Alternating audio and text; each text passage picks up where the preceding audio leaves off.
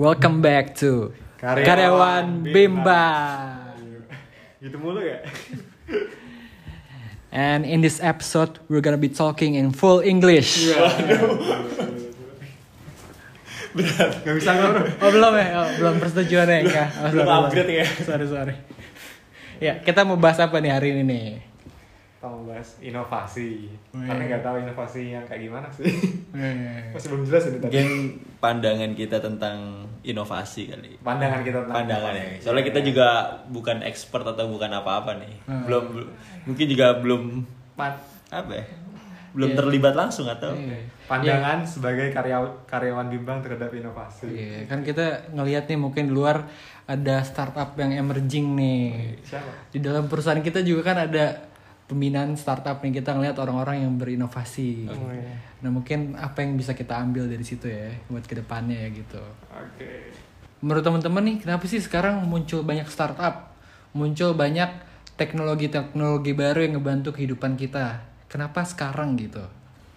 maksudnya kenapa sekarang banyak Iya. yang berinovasi? Iya dan makin banyak terus menerus gitu. Ya, mungkin karena apa? Karena ya perkembangan teknologi itu sih. Jadi mungkin banyak eh, banyak orang, banyak kelompok, banyak institusi yang manfaatin teknologi itu untuk eh, mempermudah kerjaannya gitu. Jadi banyak orang yang sekarang berusaha untuk berinovasi supaya eh, mungkin kerjaan operasional mereka, kerjaan yang memang sebelumnya susah manual lebih mudah gitu mungkin itu ya terus apa lagi Satu lagi gue mau nambahin. Hmm. Mungkin kar gue dengerin ini ngomong di- siapa ada pernah ada yang ngomong cool factor. Oh. Cool factor. Jadi lu pengen dilihat cool. Ayah bikin nyata itu. Iya. Iya. Iya, Oh, iya, iya, sih iya. itu. Jadi uh, kita itu sekarang pengen karena ada yang Instagram, sosial media lain-lain. Kita itu pengen kelihatan keren aja di mata orang lain. Oh, kalau iya, bisa iya, berinovasi Kalau bisa berinovasi. Iya, iya, iya. iya. gue pernah tuh merasakan eh, berpikiran seperti itu Oh iya, iya, iya. Iya. karena karena juga ngelihat teman-teman gitu kayak Oh, kok dia bisa nih inovasi kok gue belum bisa gitu karena kira kayak keren juga sih kayaknya kalau punya startup gitu sih Iya, cool factor itu sih ya- yang gue bilang. Iya, iya. Emang orang sekarang berlomba-lomba banget. Karena once lo nyita sesuatu yang apa namanya eh, nggak ada di pasar, terus lo kelihatan sama orang banyak, bakal terkenal dan mungkin rasa terkenal itu ya yang tuh jadi tujuannya mungkin. Mungkin saya nggak tahu. di luar eh, Di luar masalah Iya, iya. Mungkin. Cool factor tuh emang banyak ngaruh di kehidupan kita sekarang ya karena sosial media juga dan itu berpengaruh ke hal-hal baik juga. Kayak sekarang orang jadi sekolah olahraga. Iya. Wah. Sekarang tuh Iya, kalau di bener Jakarta tuh GBK sehat. tuh kan Iya, iya. kalau malam tuh rame. Dulu mana ada orang olahraga, tapi kan karena sharing ya kan, sharing. Wah, hari ini 5 kilo ya. Oh, iya. 5 kilo 30 menit. Iya. Pace-nya 6 iya. Iya, Kayak gitu tahu. kan. Itu kan sebenarnya Iya sih. ya cerita terus orang lain jadi terinspirasi, oh gue juga pengen sekeren itu. Jadinya menimbulkan uh, keinginan untuk olahraga juga. Jadi kehidupan sehat tuh dianggap keren sekarang bagus, makan sehat juga. Ya mudah-mudahan ke depannya karena saling sharing hal-hal bagus termasuk inovasi ini orang-orang tuh terinspirasi berlomba-lomba mem- membuat kebaikan. Iya, iya, iya. Tapi gue pernah lihat videonya Jos- Joseph Gordon-Levitt. Wah, Dia bilang ja, pokoknya di videonya di TED Talks tuh dia bilang jangan sampai jadikan apa namanya eh, egomu itu tujuanmu. hmm. Cool factor kan itu salah satu bentuk dari ego, kan? Iya, iya. Ego yang mana lu jangan kejar itu pasti akhirnya lu merana kalau lu kejar itu. Iya, iya. Intinya itu sih yang dia ngomongin. Cuman gue detailnya lupa. Coba nanti tonton lagi dah. Karena mungkin kalau ego nggak akan ada habisnya ya. Mm-mm. Lebih penting bersyukur ya. Iya. Ada kata-kata temen gue nih dari in- insecure jadi bersyukur. Wah. Oh deh, eh nggak Mantap. kurang kurang cengkoknya kurang. Dari insecure jadi bersyukur. ya Iya. Allah Ada kata-kata gitu. Insecure. Siapa tuh teman? Frondi. Oh. Wah, bagus tuh. Di- Ditaruh di kaos. Iya.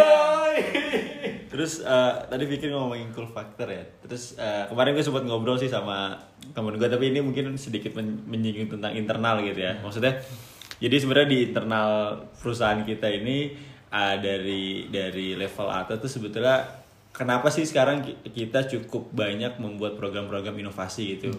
Harapan mereka sebetulnya ada satu dua inovasi yang bisa uh, membuat citra perusahaan itu lebih bagus gitu. Jadi bukan seberapa seberapa inovasi itu bisa menghasilkan revenue, bisnis modeling yang bagus segala macam, tapi justru uh, level-level atas tuh ngelihat inovasi yang bisa membuat nama perusahaan naik itu yang dicari gitu. Jadi bukan bukan semata-mata itu bisa menguntungkan. Itu sih kemarin sempat diskus sama temen gua gitu. Karena mungkin dibalik lagi kayak kayak misalnya Gojek, Bukalapak itu kan sekarang sebetulnya mereka menonjol menonjolkan citra mereka sebagai perusahaan gitu. Kalau lu ngomongin bisnis, Gojek sebenarnya sekarang udah untung belum sih gitu. Iya, nggak tahu ya. Mereka semakin besar citra baik mereka di mata konsumen, di mata investor, itu yang sebenarnya yang sekarang dicari sama sama mereka gitu. Hmm. Kalau ngomongin bisnis model mereka, seberapa yakin sih kita mereka sudah muterin uang sebaik itu gitu sih. Jadi kemarin sih sempat ngobrol kayak gitu. Tapi Gojek in terms of in terms of apa namanya mem- membantu ekonomi Indonesia membantu banget bro. Ya, ya, ya, ya. Gila, lu lu bayangin aja Ya, ya. seberapa banyak Hmm. orang yang as- awalnya nggak laku jadi laku Ya, ya, makanannya. Seberapa banyak orang yang asalnya nggak punya kerjaan jadi punya kerjaan. Ya, ya. Bayangin aja itu itu. Ya. Itu itu menurut gua Impactnya. impactnya sosial dari Gojek itu wow sih. Iya, nggak tahu maksud gua ngomongin ini, tapi ngomongin mereka sebenarnya udah dapet Iya, apa, kalau in terms of revenue ah ya. ngomongin murni bisnis Ah. gitu kan itu kan sebenarnya bisa bilang Iya. belum tentu gitu kan kita nggak tahu sih karena kita nggak belum wawancara karena mereka juga nggak ngebuka laporan Iya. keuangan kan mungkin mereka nggak belum berani juga kali IPO Ah. gitu ya karena kalau yang gue baca sih ya yang dua terbesar sekarang ya Grab sama Gojek itu masih berdarah-darah bersaing ini untuk dapetin market share paling gede karena itu ngaruh banget nih masih ngeluarin duit masih promosi untung masih susah gitu. Terus kalau ngomongin yang eh, tadi ngomongin masalah revenue udah apa udah dap- udah dapat profit atau belum? Terus eh, bermanfaatnya untuk masyarakat luas gitu ya banyak yang ngasih kerjaan banyak mempermudah kehidupan orang juga banyak ngasih kemajuan dalam banyak bisnis gitu ya bisnis makanan lah bisnis pijat lah. Tapi ada juga yang kontroversial yang gue pernah Iya, iya. yang sering nih Iya. banyak beritanya gojek gojek nih drivernya pada demo. Karena makin lama tuh eh, Kebijakan- bonus tuh kebijakan. makin susah kebijakan-kebijakan. Untuk dapat uang segini tadinya hanya perlu narik berapa kali. Nggak perlu dari pagi sampai malam. Tapi makin lama target-targetnya tuh makin tinggi. Iya. ya itu juga balik lagi kayak gini. Sekarang kan mereka dianggap mitra Iya. bukan karyawan. Kalau karyawan itu perusahaan wajib ngasih eh, ke Berbagai THR, fasilitas ngasih tunjangan. banyak kesehatan gitu ya. Kalau mitra kan ya udah eh, saling satu ngasih ini satu ngasih ini gitu kan ngasih jasa yang satu ngasih uang cuman itu doang nah itu yang kontroversial di situ Ya, jadi eh, apa ya? Ini masih nyambung lagi kan sama tadi. Jadi sebenarnya tujuan perusahaan itu apa? Apakah apa ya? Cari profit atau impact sosial? Hmm. Mungkin kalau emang tujuannya impact sosial, eh, Gojek emang saat ini nggak memperhatikan revenue ya mungkin ya, karena emang tujuannya mungkin kalau misalnya impact sosial, ya udah kita bantuin banyak orang sebanyak banyaknya tanpa harus memperhatikan revenue. Toh masih banyak investor yang mau Iya. danain kita. Mungkin kayak gitu ya. Gue nggak tahu sih. Ya karena ya, maksudnya banyaknya startup sekarang ini juga masih di masih baru lah hitungannya. Kita masih belum tahu perubahan-perubahan nih dengan banyaknya startup ke depannya seperti apa. Karena ini benar-benar masih baru yang banyak pun ini. Dan ada juga muncul beberapa startup yang udah mulai gagal. Kayak kalau di Amerika tuh WeWork. Yang ternyata mereka setelah IPO malah ini. malah langsung turun valuasinya. Ternyata setiap mereka menghasilkan penjualan itu tuh rugi. Nah itu kayak gitu-gitu tuh mulai bermunculan. Nah kita nggak tahu ke depannya nih gimana nih dunia ini berkembang dengan banyaknya startup yang muncul gitu tapi ngomong-ngomong soal apa namanya eh, tentang kebijakan Perusahaan. bonus tadi ya bonus ke driver Gojek. Itu tuh nggak cuma terjadi di perusahaan startup ya perusahaan lama. Gue baru baca apa namanya kemarin eh dengerin podcast Wall Street Journal. Dia bahas bank namanya Wells Fargo. Hmm. itu salah satu bank yang punya nama baik lah di US kalau dari mata retail consumer ya. Mata ke- orang-orang kayak kita orang biasa tapi akhir-akhir ini tuh dia di pro maksudnya kayak di bener-bener lagi dalam pengawasan sama apa namanya security exchange gitu kan karena di banknya itu sekarang banyak akun bodong Jadi ba- banyak buka rekening bodong. Ah, iya, iya, iya. Jadi kayak misalnya lu sebenarnya udah punya rekening. Cuman sama Diminta dimi- buat lagi Ah, di- atau enggak enggak diminta. Jadi tanpa sepengetahuan oke. pem- yang punya akun dibuatin akun lain Dengan nama yang berbeda. dengan nama yang sama cuman Oh. lu lu kayak dise, lu Punya nggak dikasih berapa- notifikasi gitu loh. Jadi Iya. lu nggak dapet info sama sekali tentang akun bayangan itu. Iya. Jadi Nah, satu, itu- satu orang punya beberapa rekening, tapi It- tanpa pemberitahuan. iya. Lu bayangin aja di US Negara. dengan dengan apa namanya financial security yang seketat itu masih aja kebobolan. Itu balik lagi ke saham kan, saham lagi investor ngeliatnya yang dikejar apa, Iya, seberapa banyak seberapa banyak rekening yang dibuka. Karena nggak tahu ya, ini berarti kan kejadian di semua tempat kan, maksudnya kayak uh, Murni. human nature itu pasti lihatnya angka gitu, angka angka semakin tinggi semakin bagus. Iya, iya. Kayak kecenderungan manusia itu uh, gitu lah pokoknya. Itu gue heran aja sih anjir perusahaan di Wells Wells Fargo segede itu masih aja ya bisa ngelakuin fraud sebesar itu. Dan sekarang karena gara-gara fraud itu uh, Wells Fargo diteliti lebih dalam. Ini pasti ada yang agak aneh-aneh nih di dalamnya. Sampai sekarang CEO-nya diganti dan belum nemu gantinya. Wah. Kalau soal fraud di Amerika gue ada ada juga nih yang gue tahu nih. Jadi ada founder namanya Elizabeth Holmes. Dia eh, cewek kan. Maksudnya jarang kita ngelihat founder startup yang ngebangun itu cewek karena kebanyakan cowok. Dia ngebuat yang namanya Theranos. Theranos itu startup yang mengklaim dia bisa mengambil hasil bisa ngetes darah hanya dengan satu tetes. Karena biasanya harus misalnya satu suntikan atau lebih banyak dari itu. Nah itu valuasinya udah tinggi banget tapi ternyata itu semua bohong. Jadi dia nggak bisa.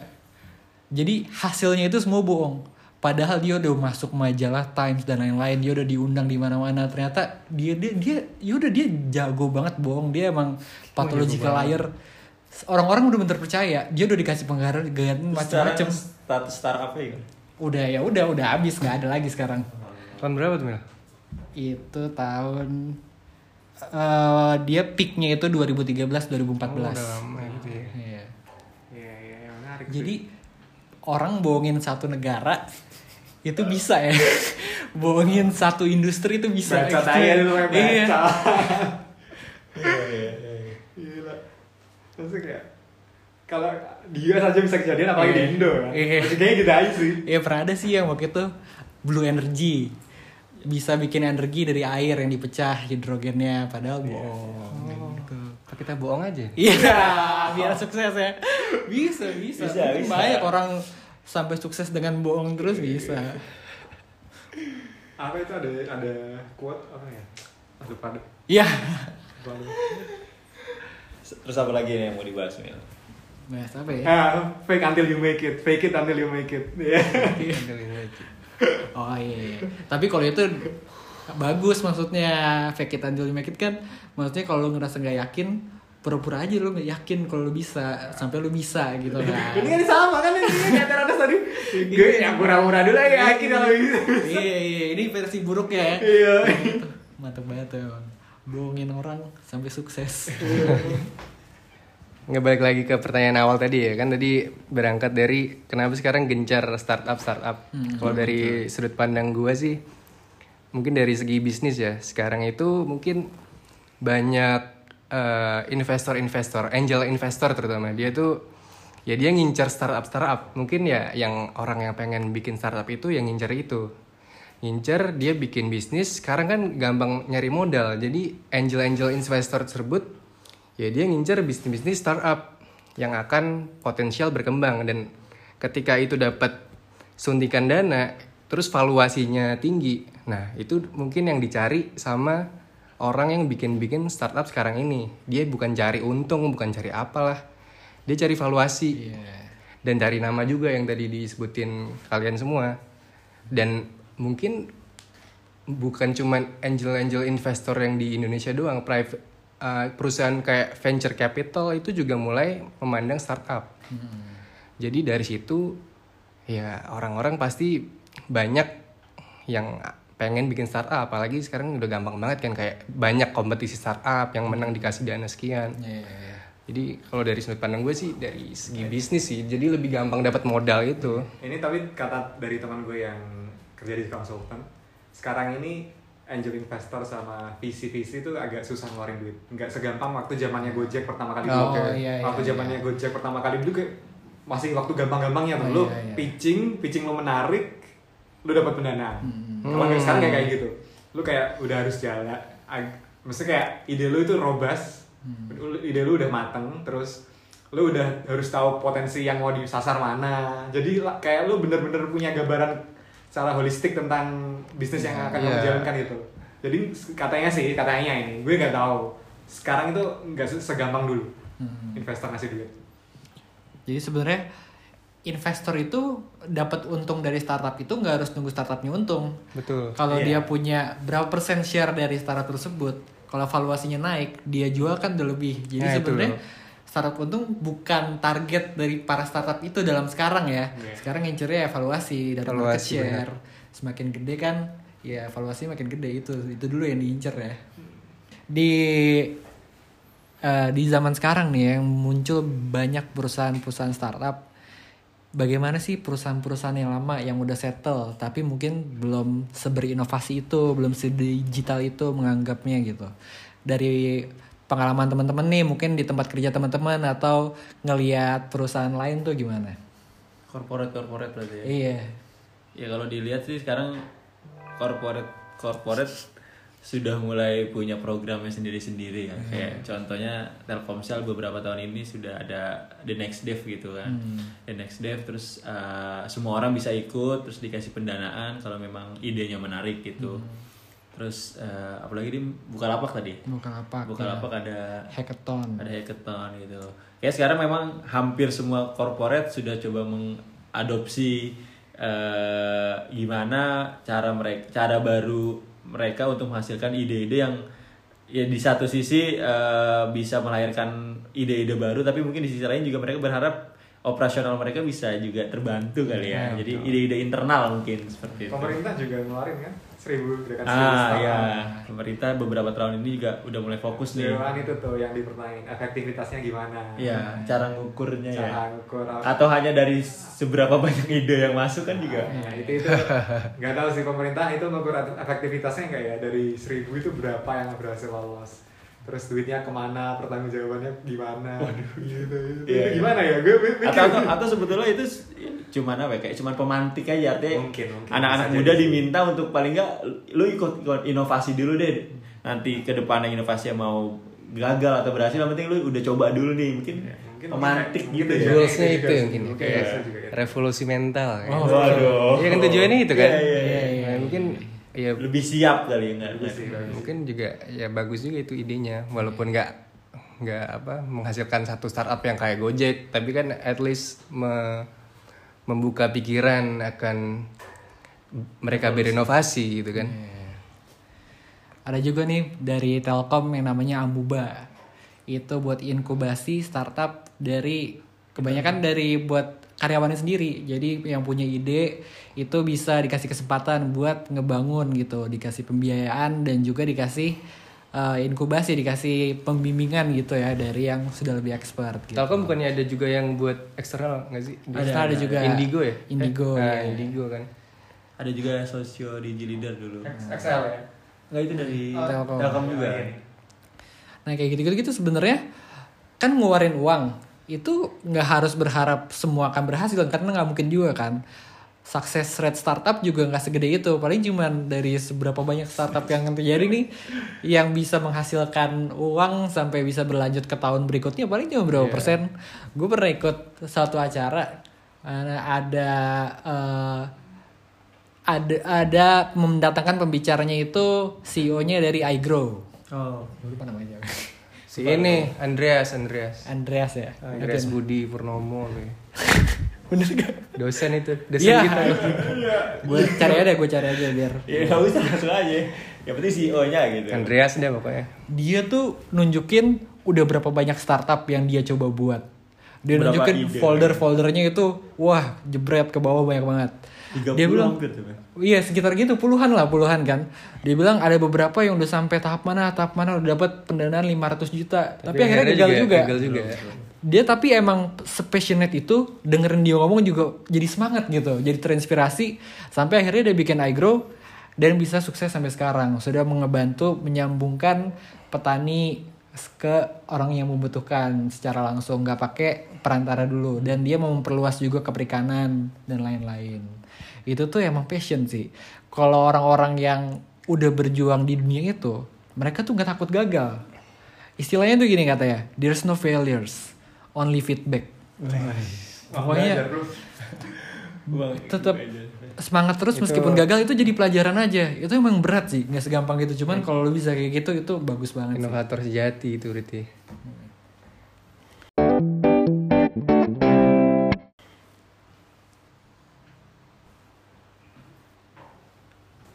Wah, sekarang kita masuk ke sesi yang ditunggu-tunggu pendengar semuanya. Sesi selesai. iya Sesi tanya jawab. Keren sesi konsumsi Iya. Sesi tanya jawab bersama karyawan bimbang. Wah. Iya, iya. Aduh. Jadi kita kemarin eh, udah ngepost eh, ngepost yes apa sih itu? Postingan di IG. Ngepost postingan, Ngepost postingan di IG. Jadi kita nanya ya. pendengar kita apa inovasi apa aja sih yang menurut kalian perlu nih ada di dunia ini. Jadi kita mau bacain satu-satu nih. Coba yang pertama kita lihat dulu, kita scroll. Wah, ada nih pertama tuh. Mil, bacain Mil. iya ini inovasi Pertama yang dari diinginkan oleh siapa ini namanya namanya Iwan Bakwan. wah Iwan Bakwan iya Iwan Bakwan. Iwan Bakwan Dari mana? Dari mana? Dari Cidodol. Oh, Cidodo. mata hijau. Mata hijau. Iwan Bakwan dia bilang bang coba ada aplikasi yang bikin kita bisa mesen Gojek dari mana aja. Jadi nggak usah ke pangkalan kita tinggal mesen langsung datang udah tahu ke mana juga. Wah. Benar, benar. Gue bingung ini. Gimana bro? ide bagus. Nih Iwan Bakwan. Aplikasi Gojek. ah Gojek Aplikasi apa tadi dulu ya? aplikasi ojek Oh. yang bisa mesen ojek tinggal pencet-pencet pakai aplikasi Oh iya, bagus banget sih itu. luar biasa ya. Aduh, sakit kepala gue nih. bagus, bagus, Itu bagus, bagus. mungkin Iwan Bawan ini bisa jalanin sendiri ya Oh, itu iya, iya. bisa jadi unicorn itu bisa jadi dekakorn tuh kalau misalnya Iwan tuh. Bakwan, kalau kamu mendengar ini, langsung buat. iya Kamu jadi orang kaya nanti. Iya. Bisa jadi menteri pendidikan. iya Pertanyaan selanjutnya nih ada dari Pertanyaan apa eh pernyataan? lanjut yang tadi Eh, iya, maksudnya inovasi selanjutnya tadi dari pendengar kita dari Budi Bakpao. Waduh, Budi Bakpao. masih Nah, teman masih temenan ya tuh namanya lucu-lucu ya. Budi Bakpao dari Majalengka nih. Oh, bang, gue punya inovasi nih. Kalau ada di dunia ini pasti berguna banget. Gue pengen eh, kalau ada di dunia ini celana dalam yang nggak perlu dicuci. Waduh, waduh, asik banget nggak perlu ganti celana dalam berarti tiap hari. iya awal-awal ganti tinggal ganti Iya ya. Tapi kalau nggak ganti kan lebih enak gitu. Nggak perlu laundry. oh iya itu suruh belajar lagi lah itu Tapi saya suka nih Budi Bakpao. Bagus, kreatif dia pikirannya. Ah, ada lagi nih bro, dari Bambang Gentolet nih. iya Bambang Gentolet. gentolet siap Bambang Gentolet dari Surabaya nih, Surabaya. Jadi dari Bambang Gentolet nih, dia punya inovasi nih, Bang. Coba ini, Bang. Ada sarung yang bisa ngepakai sendiri. Wih. Wah, jadi kita kalau sholat kan suka ribet tuh pakai sarung. Ada yang ngorot-ngorot lah. Kalau pakai sendiri jadi nyaman gitu, Bang. Jadi rajin sholat. Wah, gitu. gue gue langsung punya solusinya tuh Gimana? itu sarungnya dijadiin celana panjang kan Oh iya betul. Ih pinter cerdas. besok ini. jangan nanya tuh yang namanya tadi gentolet tuh ya Gendolet, dong gendolet. Aduh, Bambang, Bambang. Ada lagi nggak nih inovasi-inovasi dari pendengar kita nih? ya ada lagi nih hasil submit dari Uskrup Woi. Uskrup namanya? Uskrup Uskrup Gue ketawa lagi kotanya mana kotanya Uskrup dari Cicendo Gue tahu nama panjang ini kayaknya. Uskrup Sekrup. Iya.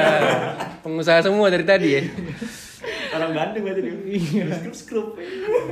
Uskrup nih, dia punya ide inovasi. Hmm. Dia berandai-andai kalau aja ada baterai HP yang ngecas sendiri. Wah, jadi bisa dipakai terus. Gimana, Mantap gimana tuh. Baterai Jadi baterainya nggak bisa habis. Waduh. Kan kalau kita perlu dicolok nih, dicas nih. Kalau ini dipakai terus Hmm. ngecas sendiri. Wah, canggih tuh. Baterai yang bisa ngecas sendiri. Iya. Mungkin bisa sih. Iya, itu lagi dikembangkan sebenarnya di dunia ini tuh. Jadi rumahnya tuh bisa mengirimkan sinyal-sinyal buat ngecas. Kayak wireless tapi infinity itu jaraknya ya. Iya. Oh iya. Pakai Gesekan-gesekan dari HP lu statistik listrik Waduh, statistik. iya itu bisa juga tuh. Mending mungkin daripada gitu ciptain aja baterai yang nggak perlu ngecas bro. Tapi nggak bisa habis gitu Nggak ya. bisa habis. Iya, benar. Pakai matahari gitu ya. Iya. Iya. Baterai HP tapi. Apa pun lah itu. Dijemur dulu dong. Oh, iya. Nggak perlu dicas deh pokoknya deh. Ya udah, udah habis nih. Inovasi. Terima kasih para pendengar yang udah interaktif ya. Sangat kreatif kreatif semuanya. Ini pertanyaan kita nih, eh inovasi kita disponsori oleh siapa nih Mil? Disponsori oleh Oxford. Oh, Belum bayar saya. Dipaksa. Oxford Clothing. Jadi kita sebagai anak muda nih untuk menghadapi dunia yang seperti ini, bagaimana nih kesiapannya nih? Gimana? Waduh. Kalau yang gue baca nih ya, gue bacanya sih bukan di Forbes, tapi ini melansir Forbes.com. Forbes itu apa? Forbes, forum besar. Iya. Oh, orang besar. Fo- Forum bersama. Oh, Forbes itu, Bray. Ah, tapi ini Forbesnya dari World Economic Forum. oke. Melaporkan bahwa kamu membutuhkan keterampilan berikut untuk bersaing di tahun 2020. Wah, 2020. Yang pertama ini pemecahan masalah yang kompleks. Wah. Contohnya Bre. Jadi kalau yang nggak di komplek nggak usah. Oh iya, paham paham Ini gua. buat anak komplek aja ya. Kalau di perumahan nggak usah ya. Iya. Anak selatan lah. Kalau perumahan nggak usah. Lanjut. masalah yang kompleks. Iya, anak kampung nih aduh. Terus yang kedua berpikir kritis. Wah, Critical thinking. Harus Berpikir punya. kritis. Oh iya iya. Terus yang ketiga kreativitas. Kreatif kreatif nih kan, ini jadi youtuber itu kan kreatif tuh. 2020 tuh dibutuhkan tuh. Terus selanjut selanjutnya nih ada people management, keterampilan berkoordinasi, emotional intelligence, penilaian dan pengambilan keputusan dan lain-lain. Oh. Emotional intelligence ya. Jadi kita sebagai anak muda harus punya skill-skill seperti tersebut tadi ya. Padahal sebetulnya itu skill-skill itu juga harusnya dari dulu ya gitu. Ya harusnya dari dulu. Tapi sih. kenapa kenapa di 2020 ini jadi concern utama ya? Mungkin baru kepikiran aja ya. Bingung jawabnya ya. Mungkin baru kepikiran aja tem apa orang-orang bikin kayak gini. Padahal harusnya dari dulu maksudnya. Mungkin dulu beda kali, dulu kayak lebih nurut aja gitu. Dulu kalau misal lo berpikir kritis, lo mau mengubah sesuatu malah apaan sih lo anak muda lo gitu lo nggak kalau sekarang orang mulai terbuka gitu kan dikasih kesempatan lo ngerubah atau mendobrak hal-hal yang biasanya terjadi tapi menurut lo itu nggak bagus bisa diperbaiki lagi gitu. Karena banyak anak-anak muda yang udah berhasil dengan karyanya ya, dengan berpikiran seperti itu. Ya. Yo, udah pada jadi orang ya Pergi orang. Pemimpin-pemimpin sekarang yang muda-muda bro. Yo, iya, staff sus iya Tafsus. Tanda-tanda kiamat tuh bro. iya iya bro iya kan emang iya Pemimpin-pemimpin Oh anak-anak iya ada gitu ya. kan. Iya. Oh iya iya iya bener bener. Ya nggak Pak Ustadz? Gak tau gue. Oh nggak tahu. ya? Iya. Apa gua Mungkin bisa dikonfirmasi ke ustadz masing-masing. apa gua salah pengajian gitu? Pengajian mana lu? Blog mana lu? Gak tahu gue denger dari mana.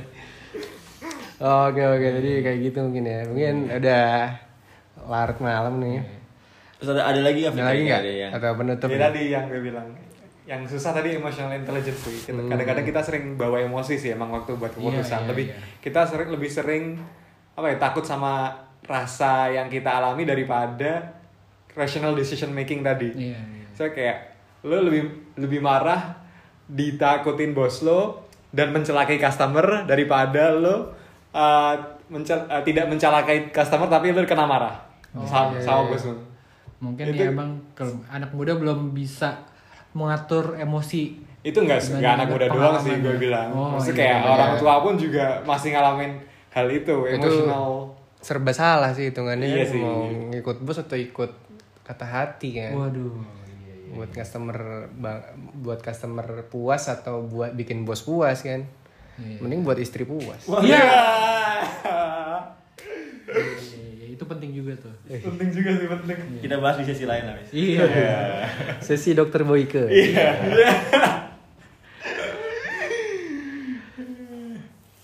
Terus apa lagi nih? Udah nih. Udah deh. closing ya Ya. Sebagai penutup ada satu quote nih Wis. dari Albert Einstein. Wih, kirain dari Usgrup Cicendo. Iya. Dalam bahasa Jermannya langsung. Iya, enggak, enggak, enggak. Bahasa Indonesia. Kalau kata Albert Einstein nih, hidup itu kayak main sepeda. Kalau nggak kita jalan terus ke depan, kita bakal jatuh. Itu dia. Kita harus terus bergerak Terus mencari ya? perubahan ke depan. Kalau kita diem doang, kita kalah. Kita nggak bisa ngapa-ngapain. Jatuh. Gitu. Wih mantap quote-nya. Dengar quote itu gue jadi terinspirasi nih buat inovasi. woi. Bikin aja sepeda yang tidak jatuh kalau tidak di kayu. Iya. Quote-nya jadi nggak valid lagi ya. valid lagi. sepeda motor iya kan maju, harus maju terus yang penting. Oh, gitu, Sepeda roda tiga. Iya. Iya, udah ada jawabannya. Iya bener bener bener. Ya Pio Pio. Lu tau gak Pio Pio? Nggak tahu. Iya merek itu sepeda. Pernah denger gak? Pernah denger? Nah, yang gitarisnya Padi kan? Aduh, Pio. Pio. Oh iya. Udah semakin ngaco nih Kita tutup aja. Closing, closing. dengan pantun hamdalah. Iya. Wah, pantun. benar, pengajian. Berang-berang Pantunnya? Jangan berang-berang. Pantunnya ada gula, ada semut. Bila suka Jangan kata gue Udah lah gak usah pakai pantun-pantunan ya. ya udah gitu Gue tau, gue tau, gue tau. Gue. Oh pantun ya, Betawi nih ya harus. Pan. Apa ya? Ada kan mikir ya? Iya. Kita tutup dengan pantun ya. Jarang-jarang nih dengan pantun. Kita bawa budaya nih sekarang. Cakep. Cakep. Oke, oke. Kita tutup sama pantun ya. Pantun. Oke. oke Ada orang namanya Bambang. Cakep. Sampai ketemu di karyawan Bimbang. Woi.